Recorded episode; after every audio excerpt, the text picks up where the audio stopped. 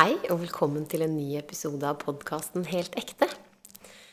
I dag har jeg fått besøk av eh, en jeg kaller Kosemannen, som heter Pål. Hei, hei. Hei. Og Lotte Pia, velkommen. Takk. Eh, Jeg eh, leste en artikkel i A-magasinet om at det var cuddle parties i Oslo. Og så leste jeg artikkelen og så tenkte jeg så fantastisk at det er At dette er et tilbud. Og at det blir skrevet om så fint som det ble skrevet om i A-magasinet. Eh, så da ble jeg veldig nysgjerrig og kontakta deg, Pål. Ja. Så jeg lurte på, kan ikke du fortelle litt om deg og, og det du driver med? ja. Takk først og fremst for at jeg får komme på podkasten din. Veldig spennende. Eh, Jeg er Pål. Jeg er en eh, koser. Jeg har vært sånn hele livet mitt. Og så fant jeg ut om cuddle parties og møljekos for om lag elleve år siden. Og bestemte meg for å gjøre det her i Norge. Jeg starta opp i Bergen for seks-sju år siden, og i Oslo for ett år siden. Og da har vi eh, et konsept hvor man har fasilitert en arena hvor hovedfokus er avslapping og kos og nærhet og affeksjon uten, uten seksuelle handlinger mellom voksne mennesker. Og det har jo vist seg at det, det har med seg veldig masse flott. Da. At det, det, gjør, det gjør godt for folk. Ja. ja. Mm. Og for de som ikke har lest A-magasinet, den A-magasinet-artikkelen, så var det en av de tingene som jeg syns var så fint, da, hvordan dere legger opp dette cuddle party, var at først så har dere faktisk en time der dere snakker sammen og blir kjent for å lære å kjenne på de grensene man har, da. Sånn som du snakker om at dere skal ikke ha noe seksuell kontakt. Det er ikke det det handler om. Men det handler om bare den, den fys nærheten. Og hvis man skal ikke bli stressa av den nærheten, så er det kanskje greit å ha avklart hva behovene er på forhånd, mm. og hvor de grensene til hva som stresser kanskje heller enn å avslappe. At dere bruker litt tid på det. Hvor viktig er det i det dere gjør? Det er helt avgjørende, altså. Eh, Lotte Pia sitter jo med, med veldig mye grundig kunnskap om, om dette her på detaljnivå. Men det, det vi hører som folk finner ut av, altså De finner ut av hva de vil ut av det. Hva vil de med kontakten? Vi har jo lett for å tenke at det, folk som kommer på cuddle party, de er bare kjempesulta på kontakt og egentlig på randen av sykdom, av, av nærhet, fordi de ikke har fått av en kjæreste og sånn. Men det er mange ulike intensjoner. Det er mange ønsker om å gi. Det var ei i går som sa 'Jeg har så stor overflod, og jeg elsker å gi'. Men det er ikke plass til å gi hvis ikke jeg er i et forhold. Eller hvis jeg ikke gir til et barn eller til et dyr. Men, Eh, men Og en annen sa også veldig flott i går eh, Dette her er så leikent og så gøy. Og den eneste måten vi kan komme inn i det som er leikent og gøy, og, og føle oss fri, da må vi ha en grunnleggende trygghet. Eh, og skal vi lande i kroppen og prøve å legge fra oss det som vi vanligvis bruker av kapasiteter og tankemønstre, så må vi tune litt inn på det. Og da regner jeg med at det var jo den grunnen til at du har eh, invitert med Lotte Pia i dag. Eh, og jeg syns det er veldig veldig gøy at jeg får to eh, fantastisk spennende personer som jeg nesten ikke vet noen ting om, eh, på besøk. Og, og kan ikke du fortelle litt om hvem du er, og hva, hvilken bakgrunn du har? Jo, takk. Og takk for at jeg får komme. Um, jo, bakgrunnen min er helt tilbake til at jeg opprinnelig er veterinær og utdanna forsker. Så det vil si at jeg har eh, en, en medisinsk bakgrunn, og også faktisk en, en veldig kroppslig bakgrunn. Fordi når man jobber med dyr, så er det ikke ord. Så, og, det, og det har jeg ikke tenkt på sånn i den kapasiteten før, eh, før jeg begynte å jobbe med hendene mine. Nå er jeg terapeut. Eh, somatisk psykoterapeut kaller jeg det. Og det er for å prøve å gi navn på hvordan man kan beskrive det å gjøre terapi både med kropp og samtale samtidig. Enten jeg jobber direkte med kroppen eller jobber med kroppen via ordene. Sammen med de menneskene jeg jobber med og underviser. Um, og nå, nå, var dere inne på dette det viktige feltet med grenser, og det er, det er et av hjertebarna mine og av, en av de tingene jeg har fordypa meg mest i gjennom det utdanningsforløpet jeg har hatt gjennom noen år, er det nærmeste er å kalle det grense- og behovsterapi. Og det, og det er liksom fletta inn i alt jeg gjør. fordi det er jo nettopp det at vi, vi får ofte vite at du skal bare sette grenser, eller du skal bare si hva du vil, eller sånn, men ofte så kjenner vi det jo ikke. Og det er en av de tingene som jeg syns er spennende også ved å nå ha kommet inn i køddelmiljøet, eller i kødlingen, er nettopp det å kanskje kunne bidra med Ja, men hva gjør vi nå vi ikke kjenner noe, da? Og hva er det egentlig lov å kjenne? Og, og at uh, eksempel, jeg sa høyt i går også på Køddelparty at uh, det er også lov å ha det kjedelig. Å kjenne det. Det er også lov å uh, sant, være irritert eller anspent eller sånn. Fordi vi, vi, kan lande Noen ganger i, i, i denne verden så kan vi lande i noe sånn kosekrav. Mens for meg blir det virkelig kos og mulighet for å være leken når jeg har hele meg med. Også hvis jeg har tankemylder, f.eks. Så for meg er det ikke sånn Å, nå skal jeg forte meg vekk fra tankene mine. vekk fra meg selv. For meg er det mer eh, hele oss. Og hvordan kan jeg finne forbindelse kanskje mellom uh, deler av meg selv? Eller hvordan kan jeg finne at ok, men jeg har ikke forbindelse akkurat nå. Da er det sånn jeg er her. Du, Gir det mening? Ja. ja. Og har du tenkt noe over hva det er de siste kanskje 200 årene, da, eller kanskje enda lenger, tilbake fra vi var litt mer urmennesker, der vi kanskje tok mer var mer fysiske, der vi hadde mer kontakt med naturen, der vi kanskje hadde mer, avslappa forhold til det fysiske mellom menneskene. Eh, og til der vi er i dag. Hvorfor er det et så voldsomt skille mellom eh, det å bare være rasjonelle og sammen i en sånn tillært måte som vi mennesker Vi er høflige, vi har liksom en viss re mye regler i hvordan vi er med hverandre. Mens så er det jo et eller annet mellom her som gjør det veldig vanskelig å være fysisk. Mm. Og det er veldig vanskelig for folk, det med sex, f.eks. Det er veldig vanskelig for mange å forholde seg til. Og jeg har jo Mannen min har lest en bok om følelser der du har de vanlige kranglene. Og jeg har også fått bekrefta at en av de vanlige kranglene øh, i sånne 40 års gamle par som har små barn og hektisk hverdag og skal strekke til overalt, er at um, dama kanskje ofte, eller også mannen, men mange av de tilfellene jeg har hørt, er der det er så mye stress, og det er så mye følelser. Og når man da ikke føler seg møtt i samtalen om disse følelsene, så føler man en avvisning. Mens, og hvis det er en kos, en nærhet, så er det en forventning fra den andre om at det skal lede til sex. Og da er det en sånn press om at det velger jeg ikke. Eh, og da avstår de også fra den kosen, fordi de ikke vil gå inn i noe de egentlig ikke hadde intensjonen. De har ikke lyst på den sexen, de har lyst på den nærheten og kosen. Mm. Og så blir den kosen også borte, mm. fordi du er i en forventning om at det skal skje noe mer. Samme som da vi har hørt også fra mannen sin side, ikke sant? som gjør disse tilnærmingene da med kos og nærhet og et håp, da kanskje et større behov for sexen akkurat da som føler seg igjen avvist fordi at det aldri kommer noe tilnærming. Det blir aldri noe av. Og så savner man nærheten på grunn av hva da? Kunne det vært noe her om en samtale, sånn som dere har i starten, da? Om hva er forventningen her? Hva er behovet mitt kanskje for å bli møtt litt mer på følelser?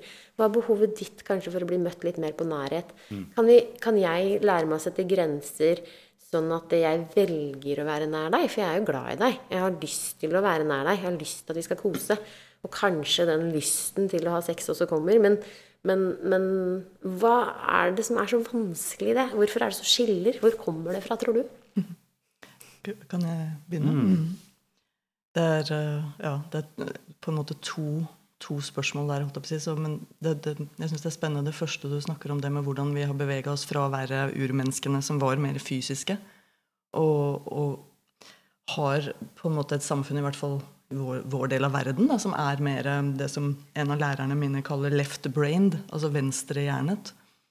Um, og det er noe med hvordan Hvilken måte vi viser oppmerksomhet til verden på, som har blitt fremelska i i, i forsøk på å, å, gjøre noe godt, tenker jeg, på å skape eh, noe bra. Skape velferd og hva vet jeg. Og så, og så har man kanskje kasta ut barnet med badevannet, eller hva det heter. noe sånt. Eller noe av det, i hvert fall. At vi, vi går for langt over i den sida. Mens det vi trenger, er eh, og Nå sitter jeg og gjør en sånn mm, bølgebevegelse, men vi trenger en dynamikk mellom de to måtene å attend to the world, altså ha oppmerksomheten vår retta mot verden på, integrert. Så, så vi, vi, gjør også feil hvis vi sier du får ikke lov å ha tanker i det hele tatt, for da blir kroppen og helheten vår blir også veldig utrygg. Det vi trenger, er å kunne være her med. Med det intellektuelle, med det kroppslige, med det følelsesmessige. Og hvordan er det da vi gjør det? Men det, det som er helt sikkert, er at vi ikke er så vant til å, å hente fra kroppen. Um, og det det, derfor det er mitt felt. Kan du si, hvordan kan vi faktisk gjøre det? Hvordan kan kroppen føle seg og oppleve seg faktisk trygg nok til å bli nysgjerrig og åpen? Mm. Og det leder meg over i det der som du snakker om med sex. Og for meg så har etter hvert har seksualitet blitt så mye bredere. Um, og det er en av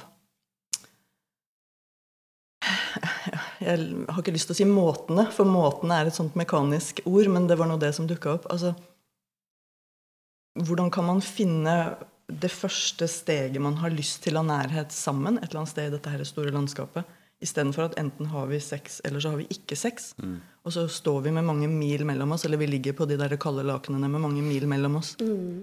Uh, og at nærhet og, og, seksualitet i det hele tatt det er et helt sånn kjempelandskap. Og hva er det som er godt for meg og deg akkurat nå? Eller meg og oss akkurat nå? Mm. Hvis man kan finne det språket mer.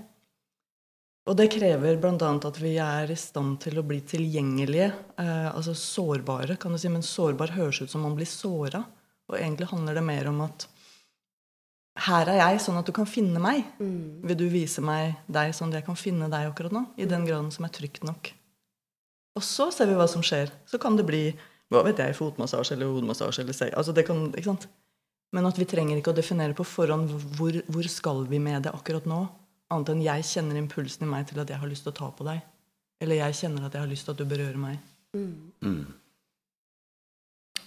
Jeg var litt inne på at uh, Cuddle er en arena som vi øver på ting, og vi øver på ting som ikke finner sted andre steder.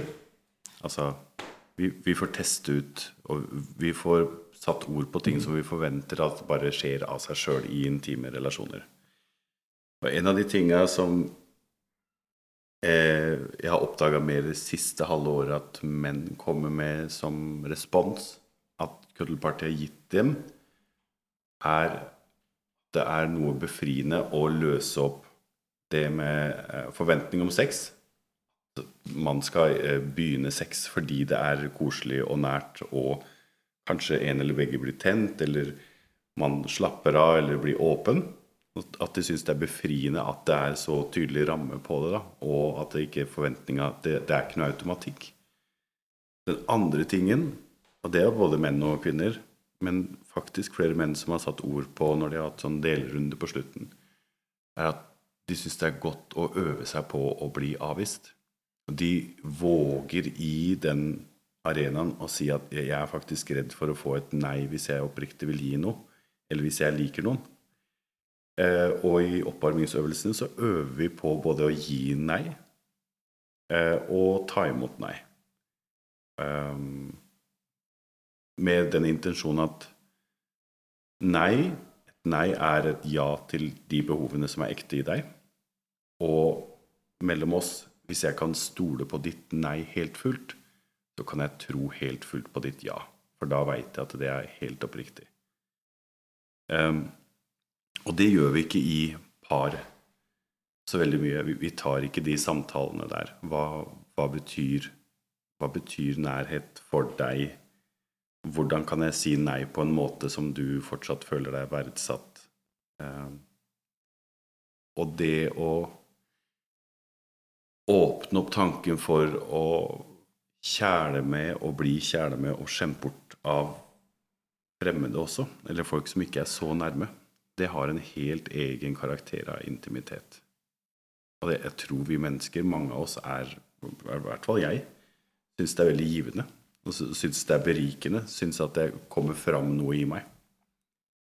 Jeg tror mange kjenner igjen det at noen hemmeligheter eller noen veldig personlige ting, det er bedre å si til noen som ikke kommer til å dele seng med deg eller møte deg på julefesten seinere. Og da kanskje den praten blir på en bar eller på en sydentur eller eh, etter en konsert. Men cuddle party kan være det også, men det er den samtalen uten ord. Det åpner opp for veldig mye spennende uh, sånn i dysfunksjonalitet i parforhold, da, og hvor den kommer fra. Og hva er grunnen til at vi på en måte har disse maskene der vi kanskje har blitt sammen med en partner som vi ikke slipper inn liksom Den sårbarheten som du snakker om. Kanskje vi ikke tør å vise hvem vi er. Kanskje vi bare har Hele tiden så spiller vi roller, og så klarer vi ikke, siden vi blei sammen på det grunnlaget, så blir det aldri noe ø, rom for å slippe opp det skallet, for da er vi redd for å skuffe den som vi har valgt å leve livet vårt sammen med, eller Så vi holder hele tiden sånn derre At vi kjører et livsløp side om side uten å slippe hverandre helt inn. Fordi vi er så redd for å bli avslørt. Og vi er så redd for å bli avvist når vi da først viser hvem vi egentlig er. Og derfor er det kanskje lettere, da, sånn som du sier, bare i en annen setting til noen som vi ikke skal leve denne side om side med skuffer, kanskje på et vis? Eller hva tenker dere om det? Jeg, jeg liker det spørsmålet veldig godt. Og jeg er litt fristet til å ta på meg polihatten, men da blir det en litt annen, uh, annen episode, da. Å være kritisk mot monogamiet. Men jeg tror ikke jeg skal, skal dit. Jeg tenker Ja. Intimitet og tillit og ha forebygga sunn kommunikasjon. Det er jo veldig, noe som jeg tenker er kjempefint, men det, for min del går det jo lenger utafor enn bare, bare paret. Mm. Jeg, jeg, velger jo ikke gå inn og svare, svare på den. Mm. Har du noen tanker om uh, ja. ja. ja. Jeg syns det er et uh, kjempefint spørsmål. Og det um, Jeg jobber mye med, med tilknytning hos voksne. Og hva er det egentlig? Det kan høres teoretisk ut, men det er en kroppslig ting. Det er en instinktiv ting i oss. At, at akkurat som vi blir sultne på mat, da har vi så sterke krefter i oss som vil knytte oss til. Og det er klart, de som er tettest på oss, er jo der vi blir reddest for å miste. For å bli avslørt. Det kjenner jeg jo i min egen kropp. ikke sant? Hvordan den er kjemperedd for at noen som kommer tett på, skal se hva, hvem jeg egentlig er, og alle mine små, rare vaner. og ikke sant? hvordan kroppen min Alle de tingene der. Um, og det er jo et paradoks da, fordi da ender vi med kanskje Du viste så fint hvordan vi lever de der parallelle livene hvor vi ikke kommer helt i berøring. Um, jeg husker en annen en av disse her flotte lærerne mine. Hun, hun viste to sånne kjempestore piler eh, som er de grunnleggende, de grunnleggende drivkreftene i oss. Og det ene er jo å høre til. Tilknytning. Og den andre er det å være oss autentisk. Altså Vi kan kalle det grenser, eller hva det måtte være. Men en side av dette her er at de to kreftene er så sterke at når de berøres eller gjøres urolige, så, så vekkes dødsangsten i oss. Og vi vil alltid eh, Nå gjør jeg hermetegn, fordi det er ikke så alltid, men altså, det er veldig sterkt for oss å overkjøre autentisiteten vår for å følge den her store pila med, med å høre til. Mm. Og det fører jo da også til at vi mister nettopp, når vi blir voksne, kontakten med hverandre. Hvis den si, instinktive delen der, eller de delene der, uh, har rattet for mye. Og da er det jo nettopp hvordan kan vi lage trygghet nok til å liksom litt og litt vise mer? Kjenne mer 'Oi, dette her kjennes skikkelig utrygt ut for meg.' Hvordan kan jeg si det til partneren eller partneren eller hvem det er som er tett på? Eller vise det med kroppen? Ja. Det er veldig fint, det du sier. Mm. Ja, og det er jo rangert på hva vi er mest redd for. Da er vi jo faktisk mer redd for å bli avvist eh, enn å dø. Hvis ja. man rangerer hva man er mest redd for. Ja, nå kom jeg på hvor jeg ville Kan jeg fortsette mm, på den tråden? Fordi um, For det er akkurat det der med at vi Mange av oss i hvert fall har jo ikke fått modellert mens vi vokste opp, hvordan man gjør rifter og reparasjon, kan man kalle det. Og, og igjen så er det en sånn saying uh, i uh, tilknytningsverden hvor man sier 70% er rifter og reparasjon. Også som foreldre for øvrig. Hvis man gjør det noenlunde riktig 30 av tiden, så er det godt nok. Men det vi ofte ikke har lært, er det der med hvordan, hvordan navigerer vi når jeg sier et eller annet til deg som, som, du ikke forstår, eller som gjør deg urolig. Og så har vi ikke lært hvordan kan vi si oi, nå trenger jeg reparasjon. Altså, det kan man si på mange måter da, med mm. kroppen eller ordene. Men hvis ikke vi ser det, kjenner i kroppene våre mens vi vokser opp, hvordan, hvordan det oppleves når noen gjør det rundt oss, de voksne, så har vi ikke lært det. Og det er, det er skills. Det er som å spille musikk eller hva vet jeg. Mm. Og, ja, ikke sant? Så der ligger det veldig mye. Vi, vi, vi, sårer hverandre. Vi gjør det, og vi er teite og vi er besværlige, for det, det er vi liksom som mennesker. ikke sant? Så hvordan finner vi liksom veien gjennom det landskapet hvor vi også får lov å være det, og likevel være både elsket og få lov å elske? Jeg er veldig opptatt av det, for jeg ser Jeg leser mye holistic psychology. Eller The Holistic Psychologist, som legger ut mm. veldig mye fint om hvordan, hva som egentlig er naturlig for oss å føle. Mm. Men så er det så mye, da, for å Som barn eh, Vi holder tilbake for å passe på at, de, at, vi ikke bryr de andre rundt oss. Vi har funnet ut at det, det, er dumt å gråte, for det plager de andre. Så da er det bedre å være blid, for det er mye mer behagelig. Så da holder vi oss inne med. Og så slutter vi å anerkjenne disse følelsene fordi de blir et problem, heller enn å hjelpe oss og, og det mønsteret vi da følger som barn for å holde oss trygge, for vi er avhengig av å være trygge og holde oss inne med gjengen når vi er barn, det fortsetter vi med de voksne.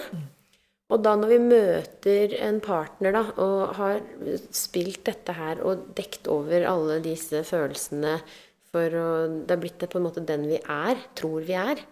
Også i kommunikasjonen da, når vi ikke har verken ordforrådet eller kunnskap om, sånn som du sier, så, så, ender vi opp med sånn passiv-aggressiv eh, Hvis noen da eh, sier en ting, hvis partneren sier en ting da, som du ikke klarer å ta opp med å si 'Jeg blir lei meg for det du sier her, jeg'. Eh, kjenner jeg ordentlig i kroppen min at jeg blir kjempelei meg? Mm. Eh, mente du det sånn, som jeg tolker det? Eller hva var egentlig intensjonen med å si det du sa? Og så kanskje, vet du hva, Jeg blei så sint når du avviser meg på den måten at derfor bare kom det ut uten at det egentlig kanskje var sånn ment. Men, men, det var rett og slett et angrep som beste forsvaret i denne situasjonen, der jeg føler at vi ikke kommer i mål med noe som helst. Så istedenfor å ta den samtalen, så er det mye lettere å ikke si noen ting. Og så gå en sånn dag eller to i sånn silent treatment, som jeg hører at det er ganske mm. vanlig rundt omkring. Eh, som jeg også på en måte delvis er vokst opp med. og når alle da har vokst opp på den måten og ser at det å bli sint er helt vanlig, og kjefte og uh, si sånn 'Gå på rommet ditt', eller 'Gjør det', eller 'Jeg er så, så sint nå vil jeg ikke prate med deg'. Og så er det sånne måter vi er lært opp til at det er helt normalt. Istedenfor å bli nysgjerrig på er det en annen måte å gjøre det på. Er det mulig at vi kanskje kan snakke sammen som, fra, som, voksen til barn, og at vi lærer barna våre at de, de, som er voksne, tar ansvar for denne måten å, å prate på? Mm. Så jeg tror jo at hvis vi har den kunnskapen som dere sitter på, da, med, med disse følelseskompetansen, som jeg tror er kjempeviktig at vi får mer kunnskap om og lærer, både voksne imellom først og fremst, sånn at vi kan lære noe nytt til barna våre. Mm. Så, og der, da er vi i stand til å kose, sånn som dere gjør, uten at det er et problem. At det bare er fantastisk eh, godt. Jeg vil foreslå å ta blikket litt ut av, av paret. Fordi vi er flokkmennesker, dypt sett. Vi trenger landsbyen. Vi trenger samfunn. Vi trenger gode, nære venninner, og vi trenger gode, nære kamerater, og vi trenger gode, nære slektninger. Jeg tror vi havner i noen feller når vi forventer at partnerne våre skal ta flere roller og bli hele landsbyen og vite om og klare å gjette seg til hvordan du skal bli møtt når du sjøl ikke har funnet ord eller språk for å uttrykke det. Og jeg tror det å hjelpe deg til å finne ord og språk både for å fungere med partneren og med deg sjøl og med andre intime relasjoner, så, så må vi øve oss. Og vi må tillate oss å komme tilbake til å si 'jeg trenger', 'jeg vil hengi meg til øyeblikket', 'jeg vil bli holdt og tatt vare på', 'jeg vil være Eller bare være noe. Fordi forhold og det å oppnå og tenke ok, nå skal vi bygge på, vi skal Det er veldig mye prestasjon. Stresset kommer veldig mye fra den prestasjonen også. Å oppdra og det, Barnet mitt har ikke utvikla seg nok sånn, og de er ikke lesedyktige enda, og Altså, skal vi ha bare sånne prosjekter, da? Bare prestasjon og prosjekter, det, det går jo ikke. Da må vi jo få lov til å, å si jeg har lyst til å være lille skje, og jeg har lyst til å ikke si noe på en halv dag og fortsatt bli godtatt. Mm. Jeg liker det du sier der, for det er så mange ting vi skal være. Og spesielt også tidligere så har vi jo delt opp da i parforholdet at vi hadde tydelige roller på hva som var mannens oppgaver, og hva som var kvinnens oppgaver. Så etter hvert som det her har flyttet enda mer, så er vi jo også i en litt sånn ny greie der vi prøver å finne ut av hva som er hva. og så Plutselig skal alle være alt, som du sier. Vi skal ha alle rollene i landsbyen uh, som et foreldrepar. Mm. Istedenfor å kanskje dele opp litt. Og hva, hva, er det jeg kan bidra med? Kanskje til nærområdet, da. Hvis vi ser her at vi ikke er så redd for den kontakten med, med andre mennesker. Men vi ser jo at vi er så oppdratt av frykt. Jeg er veldig opptatt av hva frykten gjør. Uh, frykten for å involvere oss med andre fordi det kan misforstås, fordi det kan kanskje skape en forventning. Kanskje jeg må bli nødt til å avvise noen seinere fordi jeg har liksom delvis åpna opp for at de kan komme inn. Og så tør vi ikke det, for det er så ubehagelig både å avvise og så for den å bli avvist. Men jeg, og det ser jeg veldig i praksisen min som tannlege, at jeg kan jo nesten bli litt personlig med at jeg deler mye når vi snakker om Vi har mye sånne samtaler der vi snakker om følelser. og Eh, jeg er jo veldig mm, Deler jo litt av meg selv også. Og kanskje også noen som jeg har samtaler med litt på privaten, mens det har tidligere vært sånn helt Nei, det kan man ikke gjøre.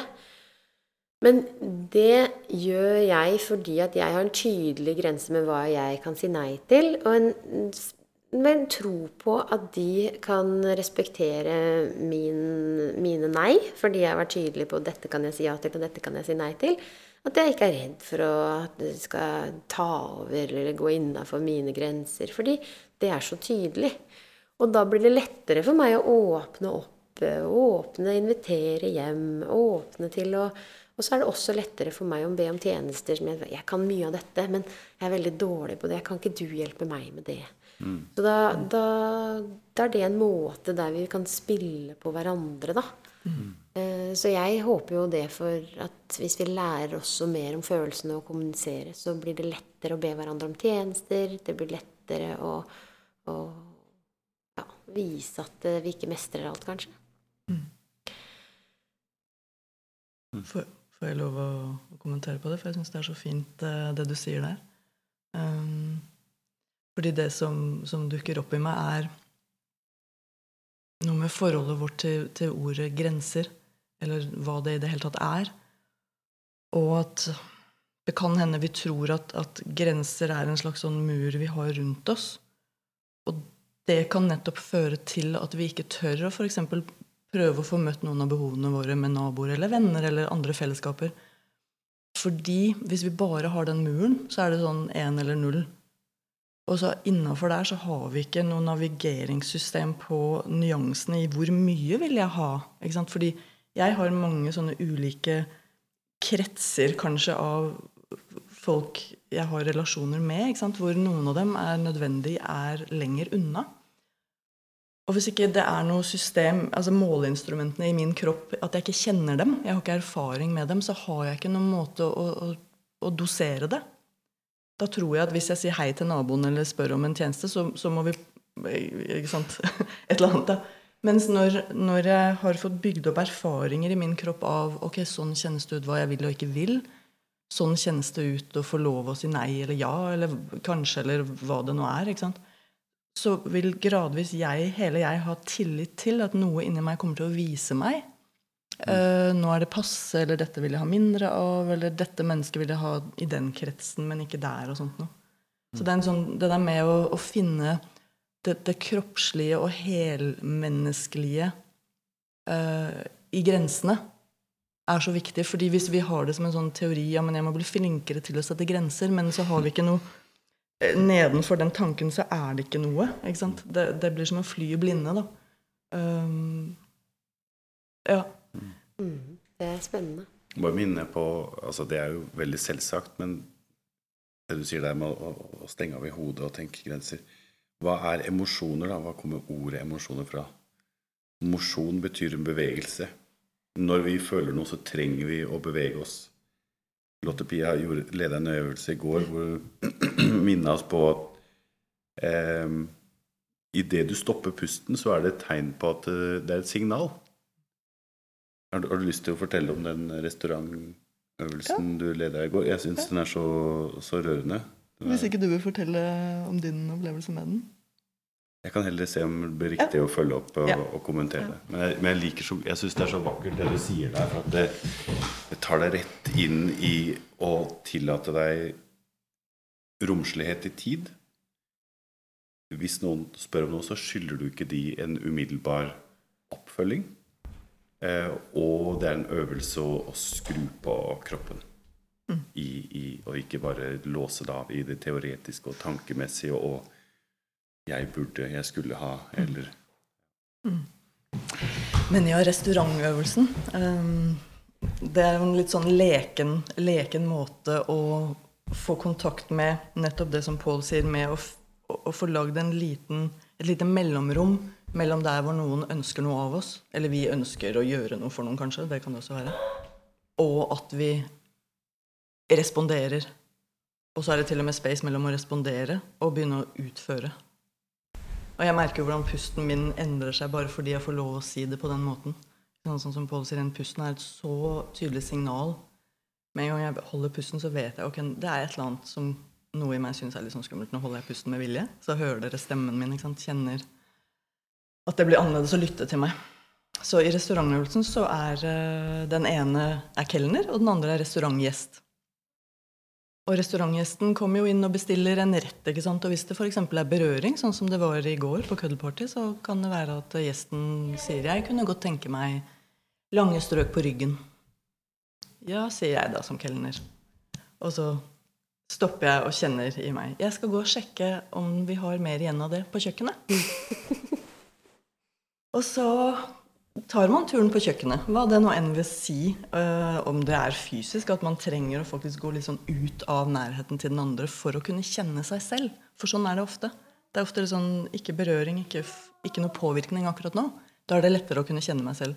Eller om det er å, å vende oppmerksomheten inn et eller annet sted i seg. Legge merke til hva skjer med denne her forespørselen om lange strøk på ryggen. Og så kanskje noe i meg litt sånn ja, men det er jo fint, og det kan jeg jo fint gi, og det går bra, og sånn. Og så hører dere kanskje i stemmen min hvordan det er for kroppen min.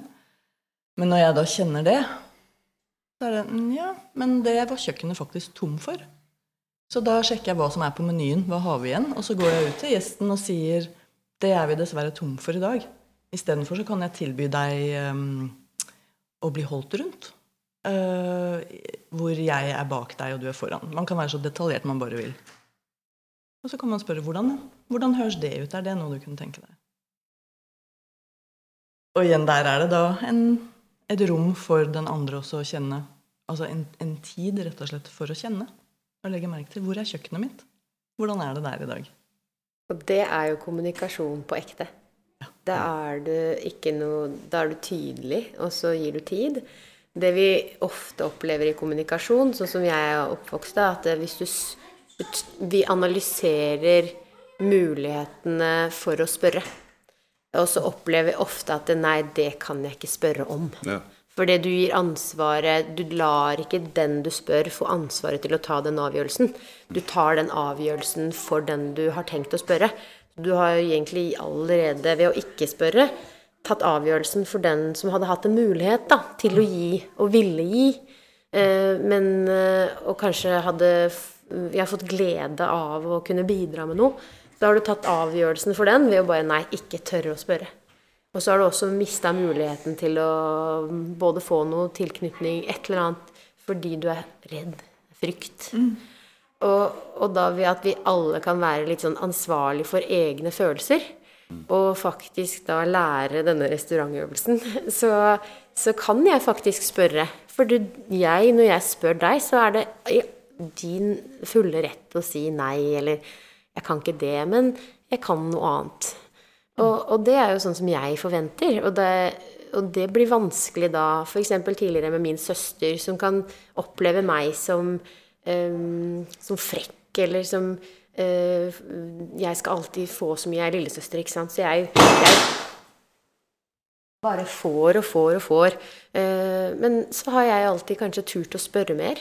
Og jeg regner med, og jeg kan si nei, for det kan jo jeg.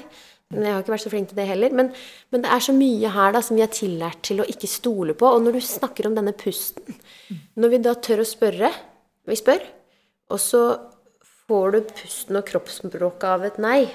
Men du får faktisk et ja. Og da merker du jo her at disse to tingene ikke samsvarer.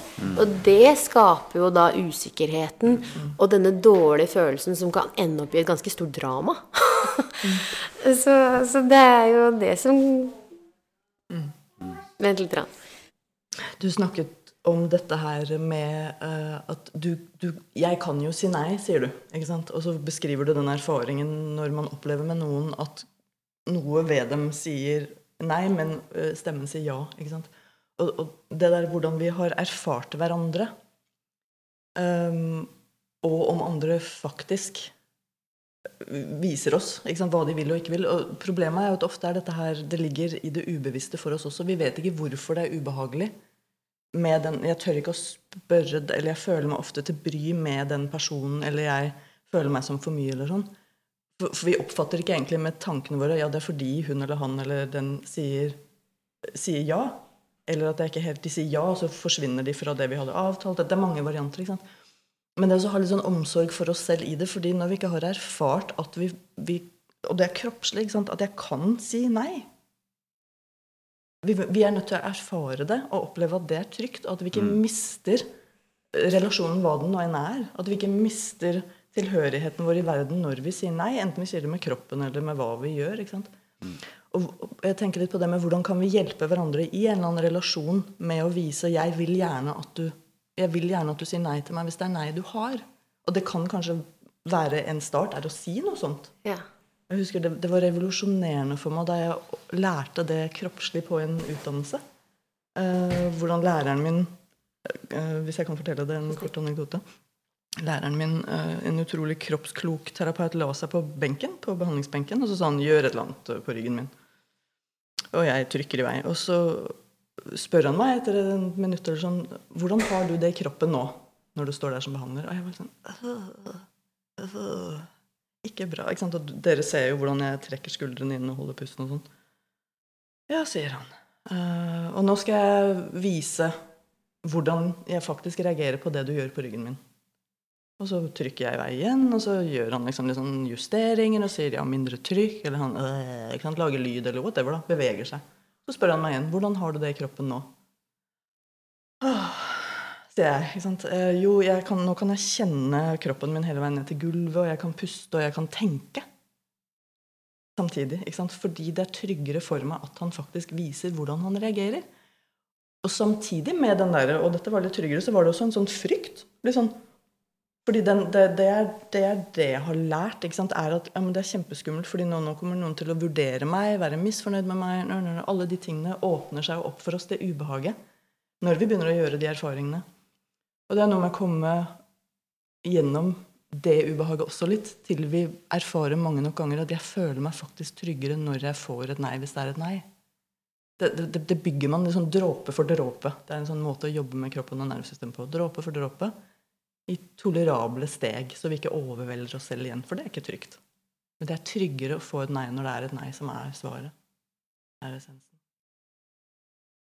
Jeg kan eh, forstå det var noe spesielt du ville kommentere på det. Ja, ja, for å komme tilbake til liksom, ok, cuddle party som et konsept og det hverdagslivet og hvordan vi gjør ting. Jeg har adaptert ting fra cuddle party. Når jeg har partnere jeg vil ta med inn i kosesettinger for første gang, eller leke, så spør jeg kan du svare nei på en av de tingene jeg foreslår, sånn at jeg hører at du hører deg sjøl si nei.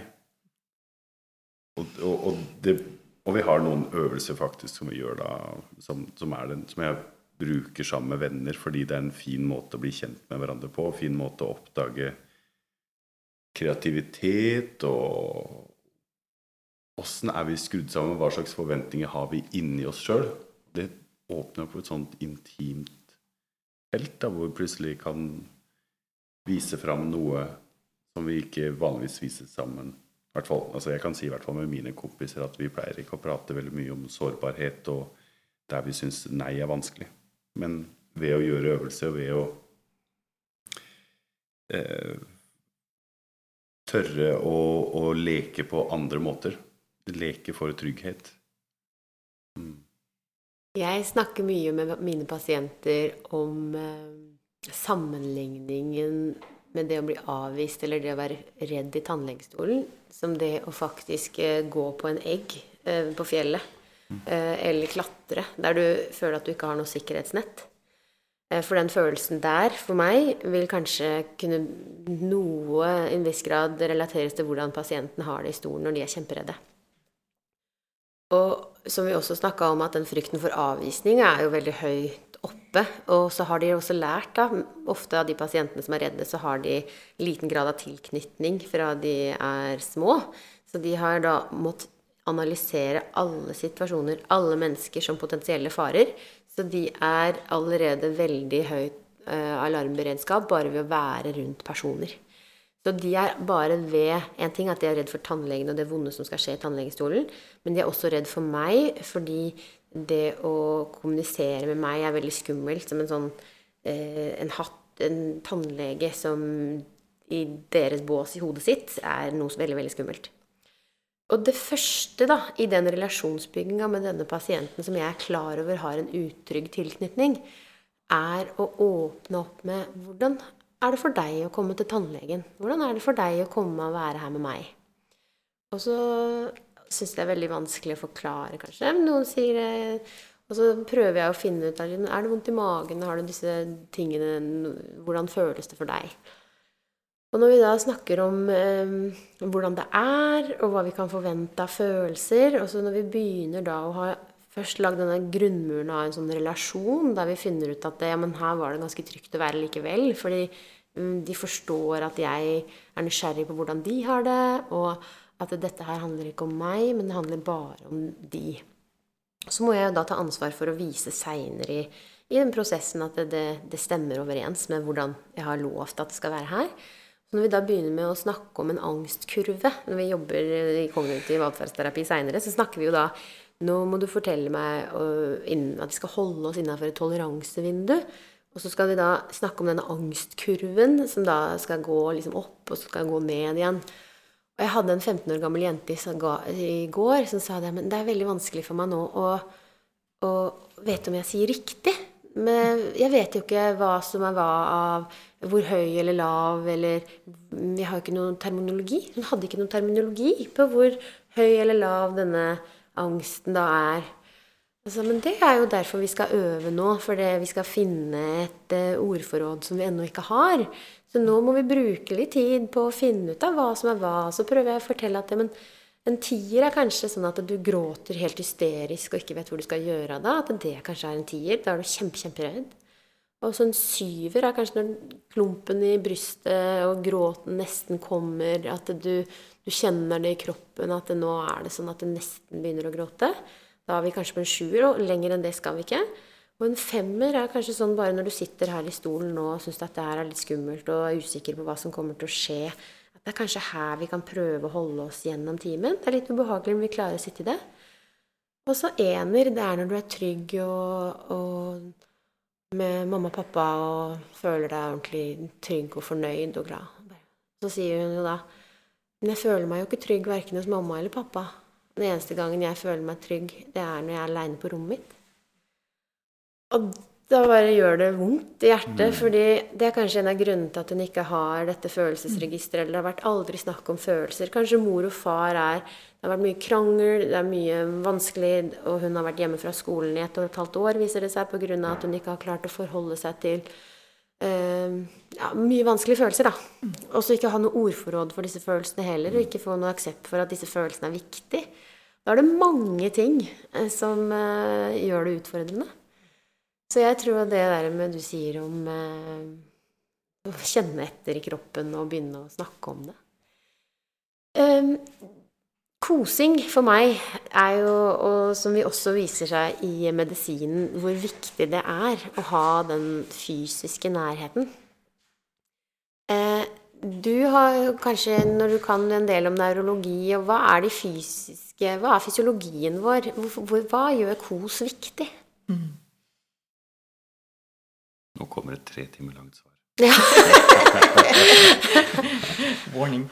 Uh, nei, det, det, det, er flere lag i det, men det, det, første som dukker opp hos meg nå, er jo noe som du akkurat har fortalt historien om, om jenta som du var sammen med. Sant? Hvordan um, vi trenger som barn særlig, men også gjennom hele livet, så trenger vi hverandres kropper og nervesystem for å, å, kjenne vårt eget.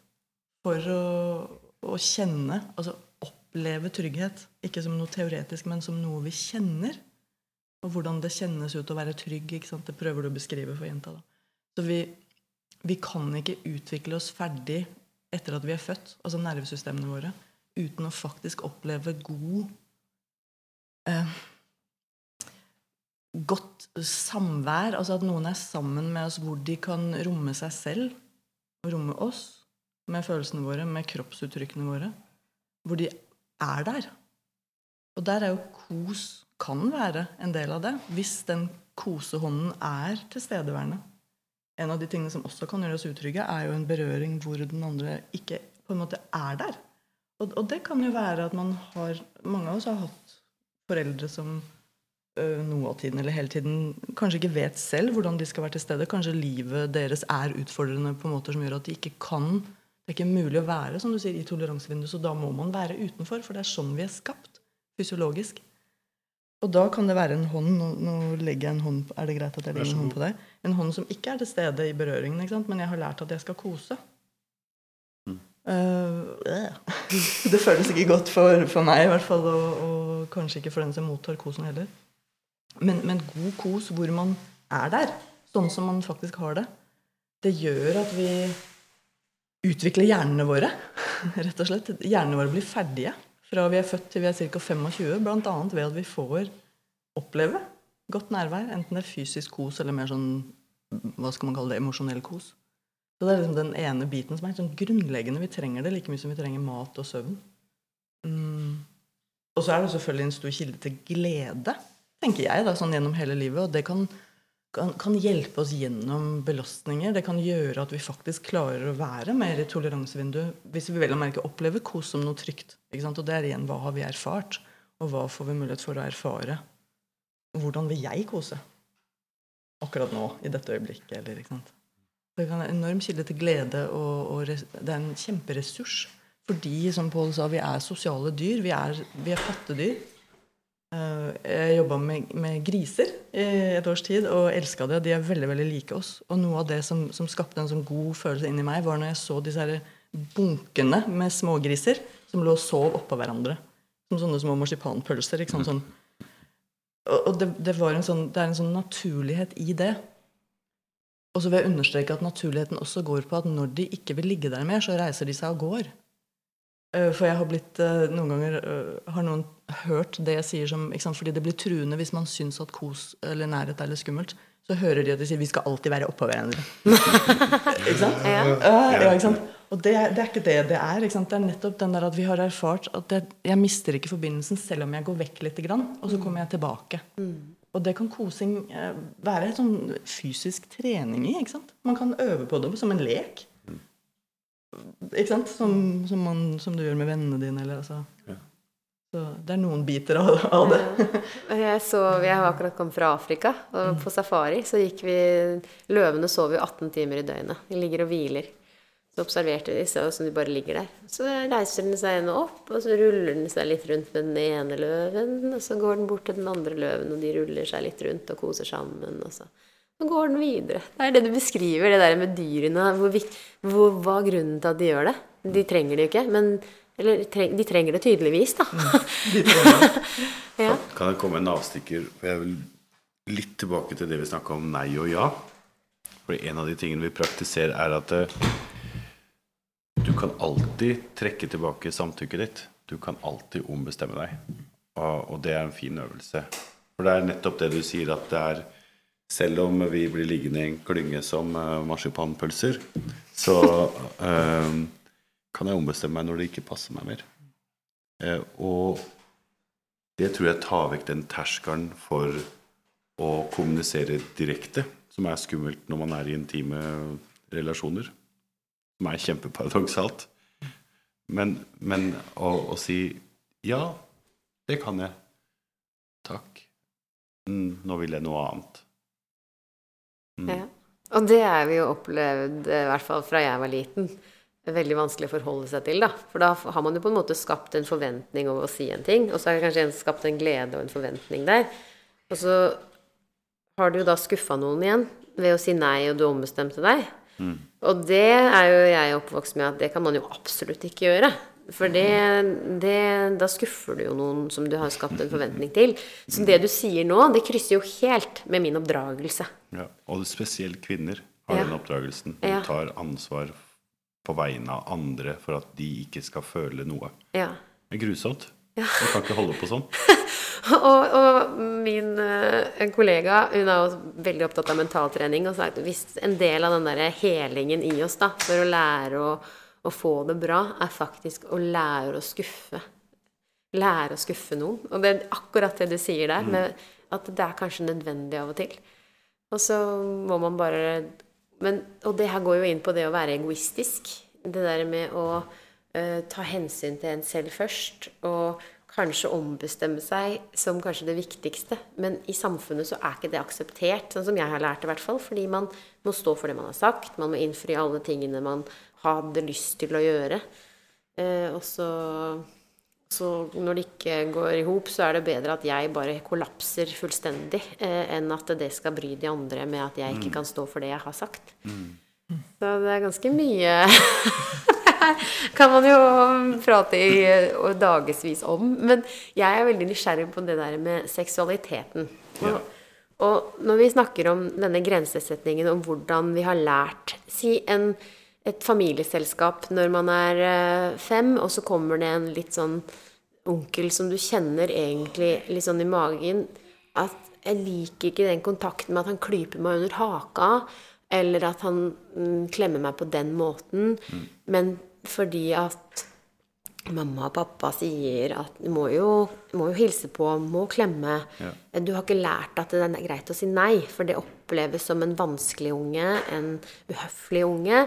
Og da har man lært at det skal man faktisk gjøre, fordi onkel kan bli lei seg eh, hvis du ikke gjør det. Og det er jo det derre og, og, selv om denne onkelen ikke har noe sånn incest-baktanker, for det er jo det første vi tenker, ikke sant, at dette er en onkel som Men det er ikke en sånn onkel. Det er bare den følelsen av at det, denne onkelen er, føler jeg meg utrygg på. Jeg har ikke lyst til å klemme. Litt som du sa i stad, for denne kontakten er bare en klem uten at følelsen bak klemmen fra begge sin side gjør at vi klemmer for at det skal bare vekke en god følelse i begge. Men det er en sånn sånn samfunnsmessig riktig klem. og der er det sånn mange ting Det ser ut som du har lyst til å kommentere litt på hva, hva er det i denne oppdragelsesklemmen og jeg, jeg, jeg, jeg, kjenner det veldig på kroppen sjøl. Jeg blir bevegd av det du sier. Og så ser jeg jo Lotte Pia sitter og grøsser ved siden av og, og kjenner og, og rir på den. Vi prater jo om det der altså, jeg, jeg kan ikke følge helt tankene videre. Men vi, resultatet av det er at vi seinere bærer med oss en sånn uggen assosiasjon. Den kan vi ta med oss på cuddle-party også. Det er den personen Kjenner jeg at den kommer jeg ikke til å ønske å ligge inntil, og jeg kan ikke sette fingeren på det. Men der har du lov til å takke nei uten å måtte forklare det. Du kan observere at det kommer opp i meg, at jeg assosierer noe med den derre Det var onkel Arve, eller hvem, hvem det var i, i, den bevegelsen der. Og så er det greit. Du, du, må ikke kose med noen du ikke vil kose med. Men ja. Mm. Og så tror jeg også det det bygger videre på videre, da, når vi kommer i den seksuelle alderen, der vi har lært dette her, at vi kan ikke si nei. Og så blir det da vanskelig for gutter som initierer kontakt, eller jenter som kanskje blir for pushy. Og så har man en forventning om at det er det som skal skje, og så er det kanskje det at eh, sex er noe kult, eller det er og så er det der man havner i disse situasjonene som enten kan omtales som voldtekt, eller man føler selv at man var utsatt for et overgrep fordi eh, det var en følelse etterpå som ikke var så grei. Mm. Og jeg jobber med en, uh, jente som uh, sliter veldig med, med, et overgrep som hun føler at ikke var alvorlig nok til å ta på alvor. Ja. For hun føler at hun kunne jo ha sagt nei, men hun gjorde det ikke. Og da, når dette overgrepet er noe som oppleves i hennes hode så utrolig ekkelt, og så føler hun heller ikke at hun har rett da, til å kalle det et overgrep i manges øyne, så da er det en skam her av noe hun har tillatt skjedde.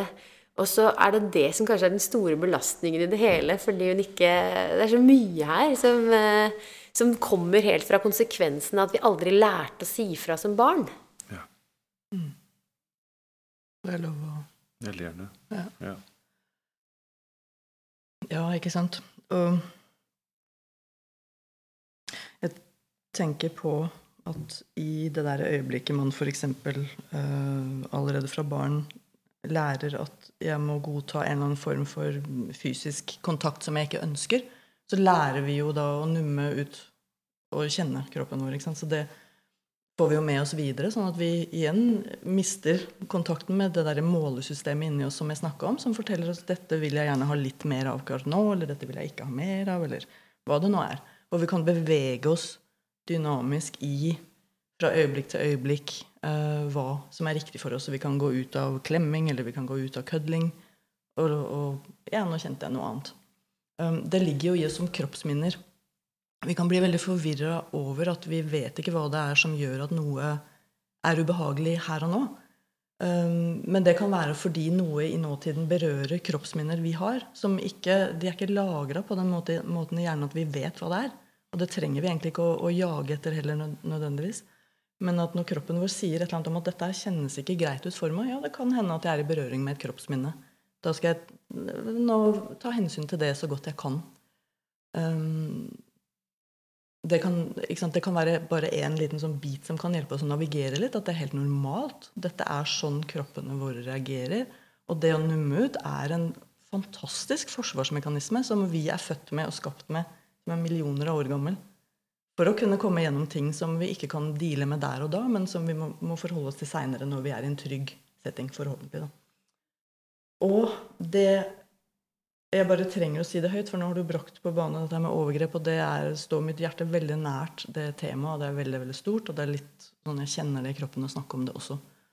Um, men det at vi tror at det vi har opplevd, ikke er alvorlig nok, og at vi kunne jo bare ha sagt nei, det er en sånn kjempemyte som fins overalt i samfunnet, um, og hvor det bl.a. handler om at vi ikke vet nok om fysiologien vår. Vi vet ikke at det er det kroppen vår gjør når vi av en eller annen grunn, hva det nå er, føler at her har jeg ikke noen vei ut. Um, så kan kroppen vår hjelpe oss ved at den bare lammer oss. Skrur av. Det vil også si at vi faktisk ikke der og da kjenner at dette her er egentlig ikke noe jeg vil.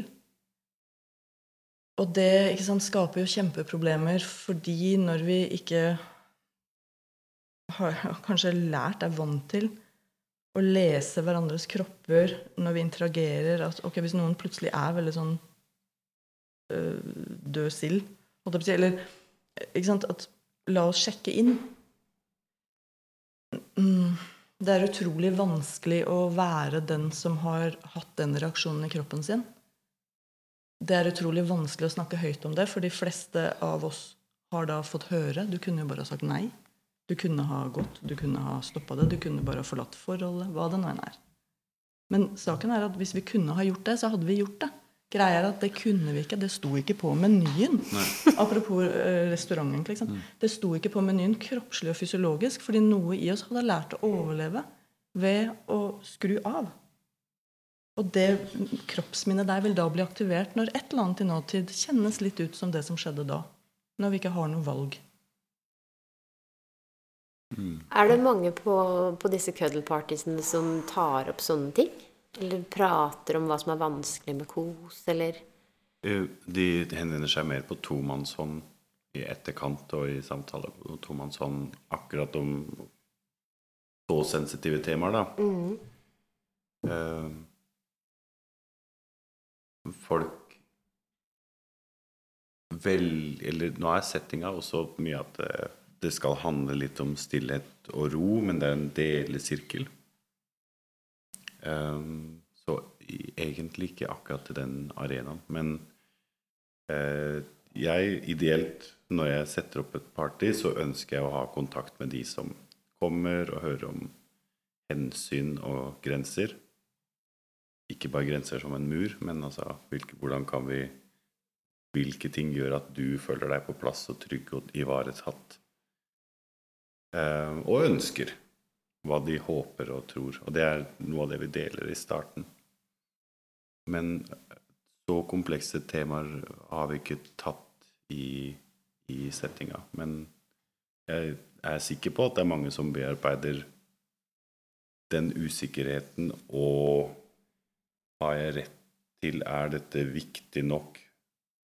I går var det ei som sa eh, Jeg pleier å ikke um, jeg pleier å tenke at jeg ikke er viktig nok til å bare motta kos i timevis. Og, og, og det er utrolig åssen det er innebygd, altså. Så kan jeg jo legge til Jeg har jobba med overgrepsproblematikk sjøl også for en del år siden. Og den troen på at det ikke er viktig nok, det er skrekkelig vanlig for eh, utsatte å tenke og, og, og rette den skammen og skylden innover. Og det er jo noe av det som det er vanskelig å prate om når ikke vi er gitt språk på nei, eller gitt språk på god, god berøring, dårlig berøring, ambivalent berøring. Både god og dårlig berøring. Du nevnte jo at du har en akademisk utdannelse. Og så har du på en måte beveget deg over i det som i i dagligtale kan omtermes som litt mer alternativt. Som er en eh, sånn behandler. Og da er det jo igjen sånn som vi Hvis vi bruker um, voldtekt, da. Eh, hvilket ord eh, Hvis man ser på en setting, så ser man noen vil kalle det en tydelig eh, voldtekt. Mens andre sier da at det faktisk ikke er alvorlig nok til å bli kalt en voldtekt. Samme er det jo litt sånn med akademiske og det alternative sånn i vårt samfunn, at det er enten-eller. Og du nevner jo for meg eh, at det er også noe du har forholdt deg til eh, At det er noen vil putte på deg en hatt, og så føler du at kanskje det ikke går an å si at det er enten-eller? Ja, ikke sant. Som den eh, nervesystemnerden jeg er, så sier jeg litt sånn på spøk at eh, når vi er veldig enten-eller, så er det litt sånn traumereaksjon. Det, det, jeg setter det på spissen, altså. Men, det, men det, er, det er et sånt sted vi går nettopp når noe kjennes uh, Vi kan ikke romme det. Sånn? Når et eller annet er for kaotisk eller for stillestående, eller hva det enn er, så, så er det sånn det er alltid sånn eller aldri sånn. Det, det er litt sånn vi er skapt. Ikke? Så, så blir vi veldig sånn enten-eller. Så lager vi polariteter uansett hva det handler om. Um, og ja, sånn, sånn har jeg det litt uh, med disse herre Igjen, da, når jeg sier to verdener, så er det en polaritet. ikke sant? Ja. Som jeg jo er del av, eller, eller som er del av meg. Og som det har tatt meg år å integrere det i hverandre inni meg og føle meg Eh, faktisk trygg nok til å improvisere. Eh, det høres rart ut, men vi snakka om improvisasjon i går. Eh, jeg er veldig glad i musikk. Og, og den tryggheten til å tørre å gå inn i f.eks. mine terapisesjoner uten å vite hva som kommer til å komme. Uh, ha en, ha en, jeg har ikke en plan. Det høres jo ut som jeg bare roter rundt, og det gjør jeg virkelig ikke. Men det er et eller annet sted inni meg hvor de tingene har integrert seg og, og syntetisert noe nytt og helt. Um, jeg har veldig sterke røtter i, i vitenskap, eller kunnskap er kanskje noe jeg liker bedre. Det er Det handler faktisk om grenser. Um, det handler om at jeg kan se veldig mye grenseløs atferd bli kalt behandling på den ene siden, eller grenseløs atferd i i den vitenskapelige verden kalt et eller annet annet. Jeg vet ikke. Men at det blir en sånn nyanseløs og grenseløs måte å, å bruke all den kunnskapen vi har på. Jeg er veldig sånn eh, skarp på en måte og tydelig i grensene mine sånn faglig sett, også i det nye, nye faget mitt. Um, hvordan jeg forholder meg til det med private personlig, f.eks. Og hvordan jeg velger hvilken kunnskap Hvordan jeg forholder meg til kunnskap når det dukker opp noe nytt. Og det er noe av det beste, kan man si, fra den forskerutdannelsen og verdenen jeg kommer fra. Denne viljen til å undersøke hvordan er dette egentlig, hva, hva er det som gjør at vi mener at det er sånn? Og der er det jo at man kan komme til å dømme f.eks. den verdenen og si nei, men de mener bare at de vet alt. Men det er ikke sånn det er i det hele tatt. Det, det eneste jeg husker av forskerutdannelsen min, det er å lære å stille spørsmål ved det jeg selv tror. Mm. og undersøke det igjen, og be noen andre undersøke det samme og se om de får samme svaret. Så i bunn og grunn er det den derre nysgjerrigheten eller åpenheten uh, som ligger til bunnen for det. Og det syns jeg det skal være i den alternative verdenen også. Hvor det kan bli veldig bombastisk, og det kan bli veldig sånn jeg vil inn og styre hvilke reaksjoner du har lov å ha, for jeg føler meg som en god behandler hvis du får det bedre. Så du er her for å vise meg at jeg er en god behandler, f.eks. Det, det, det har jeg opplevd på kroppen, for jeg har søkt masse eh, hjelp gjennom årene selv. Og noe av det har gjort så mye skade på meg fordi det har vært så grenseløst. Og fordi den andres eh, ting har vært inne på banen og har trengt meg som, som klient til å, å, vise dem et eller annet, f.eks. Ja. Nå kommer jeg inn i, i mange store ting, men, men jeg syns egentlig så har de verdenene mer til felles for meg enn de har uh, som adskiller dem. Og at det, det, har noe med i, å komme fra en eller annen form for solid fundament hvor vi integrerer både det å tenke og kjenne inn i hva vi nå enn gjør. Um, jeg kan, sånn som jeg forstår det, så ser jeg meg som et eksempel og søsteren min som et annet eksempel med at jeg alltid har søkt informasjon og stolt mer på hva alle andre sier. Men søsteren min har stolt veldig på sin egen følelser og tatt det som en sannhet veldig. Og da ser jeg på en måte disse to verdenene som da er akademia og forskningsbasert, kontra det med alternativet at du stoler kun på din egen opplevelse av virkeligheten. Og jeg tror at det jeg ønsker, da, sånn som du kanskje har funnet balansen i, og jeg også føler at jeg har funnet mer balansen i, at du stoler på alt det du har søkt av informasjon her ute, men du har også funnet hva inni deg som du tror på er sant. Du har også, som du sier, du prøver å søke hele tiden, stille spørsmål for å justere etter er det jeg tror nå, er det virkelig? Så da søker man informasjon for å nesten uh, falsifisere, da, eller eh, stryke over hypotesen man har satt for seg selv. Men, men man er i hvert fall nysgjerrig på om det faktisk er sant. Mm. Og da, da, tror jeg også at eh, og, og, når vi da klarer å finne den balansen, så er det det og, og når vi også snakka om hvorfor samfunnet er så polarisert Det er jo som du brukte så fint ord med at det, den bastante enten-eller-holdningen er traume. Og da kan man jo skylde mm. på at vi er oppvokst med at man må vite enten-eller eh, mm. som et generasjonstraume, da, som vi mm. snakker om også tidligere, som er det. Fordi vi aldri lærte å sette de grensene. Vi lærte aldri å utforske følelsene våre. Vi hadde aldri et språk som kunne fortelle oss hva de følelsene betydde. Sånn at man kunne fortelle de rundt seg om hvorfor det var så viktig at det kanskje det Så det vi lærte, var å hyle eller å bråke eller å slå. Eh, og så eh, skapte det bare mer motstand og enda mer traumer. så det er så veldig mye i disse to Det, blir sikkert veldig stort, og, mm, det temaet her, men jeg syns at alt henger sammen. Mm, det gjør det. Du nevnte for meg at du har sett Barbie. Ja. Sønnen min lovte at vi skulle se Barbie. For jeg kult. opplevde deg da litt som jeg spurte om du hadde sett Oppenheimer før dere kom hit, eller før vi starta denne. Og jeg opplever jo da sånn som Oppenheimer Han ble sett på uh, i, under krigen som uh, mange både på den ene siden eh, av politikken og den andre siden av politikken. som en sympatisør. Mens han, sånn som du ser, at du ser mer likheter med de to ytterpunktene. Så han så jo farer i begge ytterpunktene og egentlig aldri klarte å finne en side. For han var mer tro mot sin egen måte å tenke på, som var noe midt imellom. Og det var derfor jeg sa at da er jo du litt som Oppenheimer.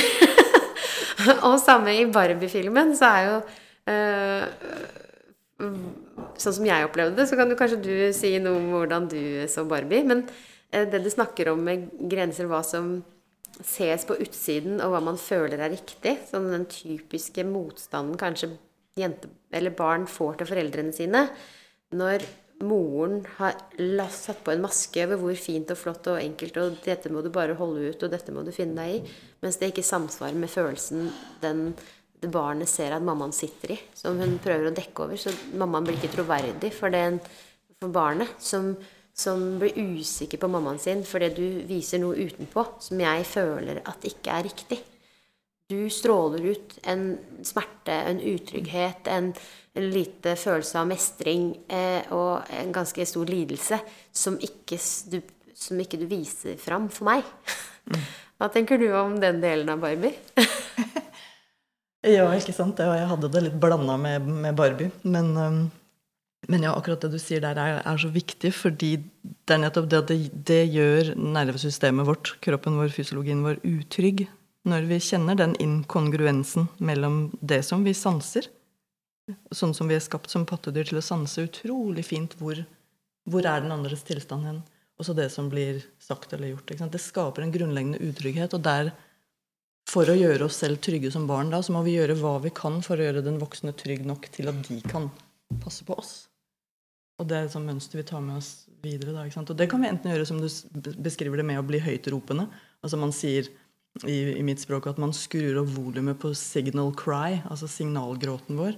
Blir skrudd veldig høyt opp. Det kan bli den uh, automatreaksjonen vår i alle mulige settinger. Eller at vi går motsatt og nummer ut og blir veldig venstrehjerne, veldig analytiske, flinke, hardt arbeidende, syns følelser er noe tull. Sant? Og det skjer helt sånn automatisk, og det, det er måter å beskytte seg på mot det der umulige utrygge der borte. da. Og om jeg klarer å sette det inn i en Barbie-sammenheng, det tror jeg ikke. Men det jeg likte med å være på Barbie-filmen, var for det første at det var min eh, voksne sønn som valgte at vi skulle se den sammen. Og jeg elsker når han velger filmer og ser med meg og viser følelser og, og spiller ut sin rosa side på, på den derre catwalken. Og, og i det hele tatt er seg selv i, i alle mulige bredder og høyder, da. Sammen med meg. Jeg mener Det er den største gaven jeg kan få. Og jeg vet ikke om det er noe svar på noen form for spørsmål, men det var det jeg kjente inni meg. At, at? Der er det nettopp de der glimtene av Han viser seg som han er. Blant annet fordi jeg har øvd som voksen på å vise mye mer av hvem jeg er. For jeg kommer ikke fra å gjøre det, eller å vite hva grenser er, eller noe som helst sånn personlig. Så det er et veldig sånn personlig arbeid for meg også. Og det er kanskje derfor jeg tør å stole sånn på kroppen min også når jeg går inn i jobbsituasjoner, fordi det er jobba hele veien gjennom meg og mine egne følelser og mitt eget intellekt. eh, ikke sant? Vi snakker om den rosa siden. Også når vi da snakker om det å føle og kose, det er jo kanskje litt sånn ansett som feminine sider. Mm -hmm. hva tenker du om det med å være feminin og maskulin? Er det mange menn som sier til deg at, at det er som en hemmelighet at de har behov for å vise følelser og kos, eller hva tenker du om det å være feminin og maskulin? Åh, du jeg må ikke finne på å ta på meg antropologhatten. Jeg er maskulinitetsforsker, så jeg, jeg skal ikke rote meg bort. Men, Vær så snill! men eh, ja Kos, maskulin Ja.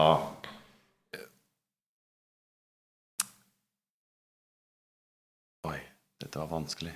Det virker som du har mange hatter. At det, nå Ja. er du her for å være kosemannen, som jeg introduserte Ja. deg for. Og så har, sier du at du er maskulinitetsforsker. Bare det Mm. at det er noen som forsker på maskulinitet og har kunnskap om det. Kanskje du kan komme tilbake i en annen podkast Ja, vi må jo snakke måten. om maskuliniteter, da. Ja. Så jo, ok. Når, når vi snakker mine sirkler av uh, kompiser og venner, så har jeg jo kompiser og venner jeg kan ligge i skje med. Jeg har eh, kompiser som blir veldig stive og ubehagelige når de skal få en klem, og forter seg å klappe på ryggen sånn 'Nå blir bli ferdig, bli ferdig'. ja. Ja.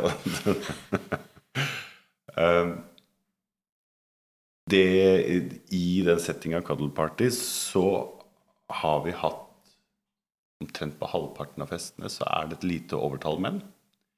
Vi har aldri hatt noen menn som sier eh, 'Jeg har ikke lyst til å eh, kose med andre menn'. Og vi spør om er det noen hensyn eller noe du vil at gruppa skal vite, eller noe du vil fortelle om dine grenser. Så, så er det full mulighet til å si 'jeg foretrekker bare å da kose med', eller 'jeg føler meg sånn'. Vi har ikke hatt den situasjonen. Jeg syns det er noe spesielt rørende og godt, og jeg syns det er noe veldig kraftig å omfavne en mann. Jeg gjør det i dans også. Jeg danser queer tango. Og der eh, ofte så danser jeg med menn som følger eller fører eller flytende rolle. Eh, det er en annen type tillit og solidhet i å være en mann i en annen manns armer. Eh, Sjøl så kommer ikke den diskusjonen så veldig opp. Altså vi, jeg, jeg har ikke operert med det språket at det verken gjør meg mindre maskulin eller mer feminin, eller andre menn mindre maskuline eller mer feminine. Så eh, det hører ikke til Eller jeg, jeg binder ikke de to tingene sammen, selv om jeg veit mange gjør det. Og det er jo eh, kollegaen min igjen, vi snakker mye om hva Vi er veldig bevisst på å ikke Prøver i hvert fall å ikke si at det er liksom typisk damer eller typisk menn. For vi prøver å åpne opp for denne tingen som vi snakker litt om her, at det følelser, det er i alle. Og, og det er um, Det varierer veldig. Mens kanskje samfunnet har lagd denne oppfatningen av hva som er mer mann, og hva som er mer dame. Og så har vi putta oss inn i de boksene der vi føler oss trygge. Så er det det som har blitt mer mandig. Det er det. Men så er det mange da jeg har opplevd, som kommer til meg, og som jeg, som jeg vet lytter til denne podkasten, som, som liker det der med at vi er mennesker uavhengig av hvilken boks vi har blitt putta i. Og så at eh, det skillene ikke er kanskje mellom mann og damer, men kanskje heller med hvor sensitive vi er. Ja, nettopp. Og der kan vi snakke om ulike felt. Ja.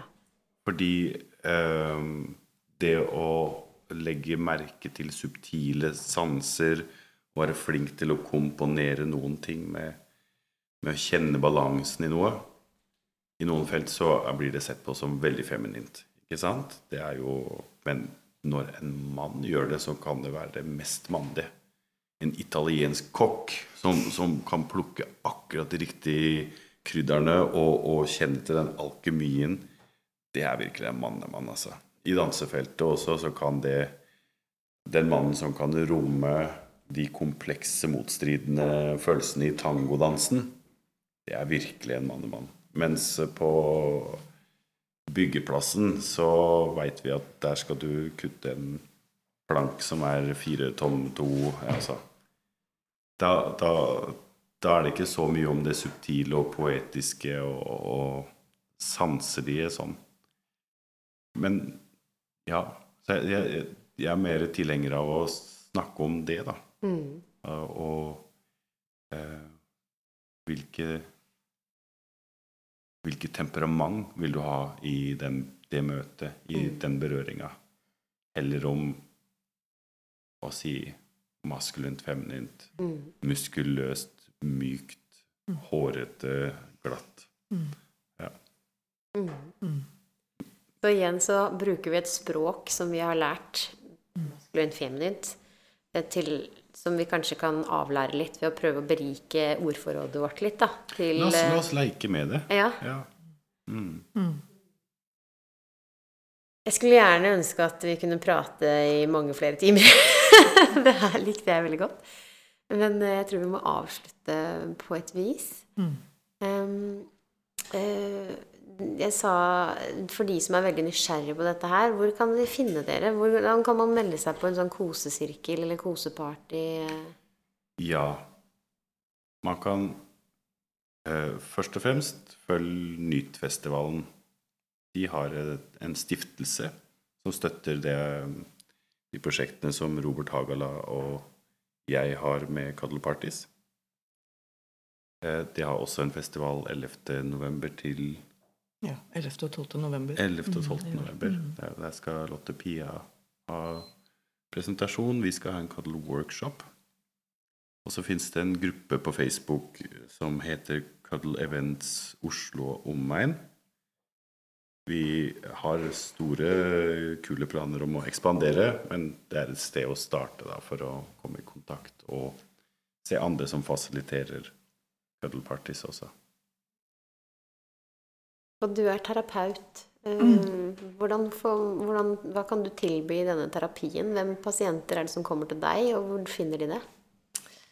Ja, jeg har klienter som har mange forskjellige typer problemstillinger kanskje når de kommer, men um, vi jobber alltid inn i denne her basen med kroppen, nervesystemet. Nervesystemhelse kaller jeg det noen ganger. Hva vi bærer på av forskjellige typer minner, og hvordan vi kan bygge dråpe for dråpe. Mer plass, mer stabilitet, mer av det vi vil ha, og mindre av enten-eller. Um, og man kan finne meg via Nytfestivalen, faktisk, hvis man går inn dit. Jeg heter Lotte Pia Stenfors. Men man kan også søke meg opp f.eks. på Facebook, så har jeg en profesjonell side der man kan komme i kontakt.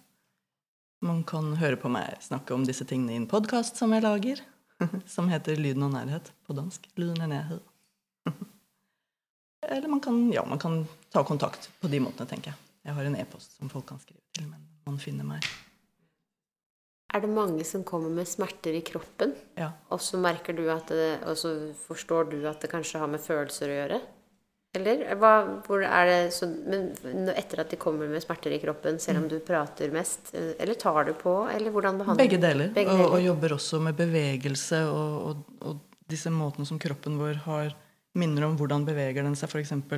Til, til og fra et annet menneske. Vi jobber konkret med, med grenser som kroppen føler det også. Mm. Jeg jobber med berøring, samtale og bevegelse, kan man si. Mm. Uh, og ja, smerter i kroppen er ofte en del av det. Og, og noen ganger så kan vi se at ja, over tid så endrer de symptomene seg, svinner kanskje. Og det lover jeg selvsagt aldri. Men det jeg vet, og som det er fundert i, er at dette nervesystemet vårt, som står for hvordan vi er sosiale med hverandre, det styrer også f.eks. For fordøyelsen vår.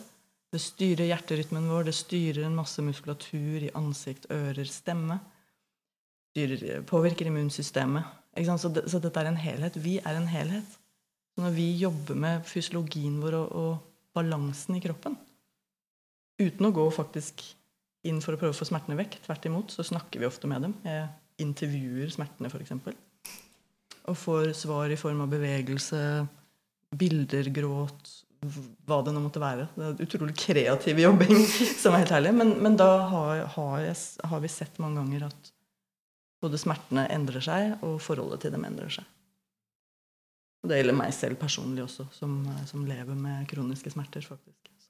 Og selv om alt dette her er så stort at det er vanskelig å putte i én studie, så er det jo ganske mange studier som bekrefter alle disse tingene. Sånn som hele faget fysiologi. Alt det her er jo fysiologifaget. Men det er jo for stort til å dokumentere alt dette her i én enkelt studie, er det ikke det? Og det er på vei. Dette her er, dette her er fronten av hvordan vi kommer til å jobbe etter hvert, tenker jeg. Og, fagfeltet heter jo relasjonell nevrobiologi. Det er det som er mitt fagfelt.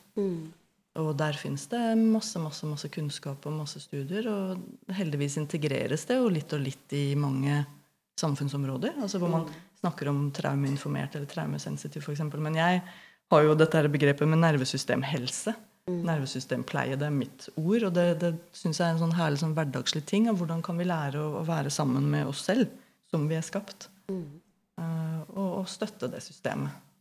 Har du hørt en, eh, eller et eh, sitat av Albert Schweitzer, som sa fremtidens leger vil være oss selv, eller noe sånt. At i fremtiden så vil vi faktisk behandle oss selv. Faktisk å ha kunnskap om vår egen fysiologi. da. Vi vet hva vi skal gjøre. Vi forstår vi skal, at vi skal bevege oss. Hvilken mat vi skal ta til oss når vi lærer å tolke og, og faktisk også ha kunnskap om følelsene våre, kanskje. Ja, det er mye spennende i det sitatet som jeg snører litt opp. Mm. Takk for deg. Takk, ja.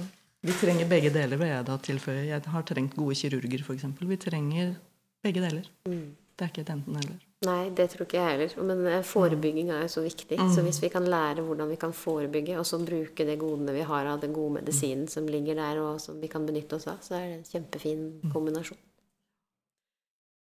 Så eh, er det noe dere har lyst til å tilføye før jeg begynner å Takke for innbydelsen takk for samtalen, og veldig spennende. Og det er jo kjempespennende tid. Altså, et, vi hadde jo en artikkel, og vi hadde en YouTube-video. Og jeg syns det er så godt at eh, mange blir bevegd og entusiastiske for noe som egentlig Jeg tenkte dette er litt for Det er, det er for få av oss som, som, kunne ha vært med på Cuddle Men jeg, jeg er i en sånn bølge som jeg er veldig takknemlig for, hvor folk gir respons for at dette her gir meg noe. Dette her er godt, og dette, her, dette er meningsfullt. Takk for at du også satte lys på det i dag. Takk for at du ville komme. Jeg, bare, jeg har blitt så vant til å få nei og avvisninger, så jeg bare kaster ut forespørsler. Og trodde jo kanskje ikke at jeg skulle få napp, men det var jo så gøy at det Og i tillegg så inviterer du med Lotte Pia. Dere utfyller hverandre så utrolig godt. Så lykke til videre med arbeidet dere gjør. Og jeg er jo Ja, syns det er så gøy at dette får så stort engasjement, og forhåpentligvis også mer oppmerksomhet videre. Så da sier jeg takk for nå, og så høres vi. Tusen takk for nå.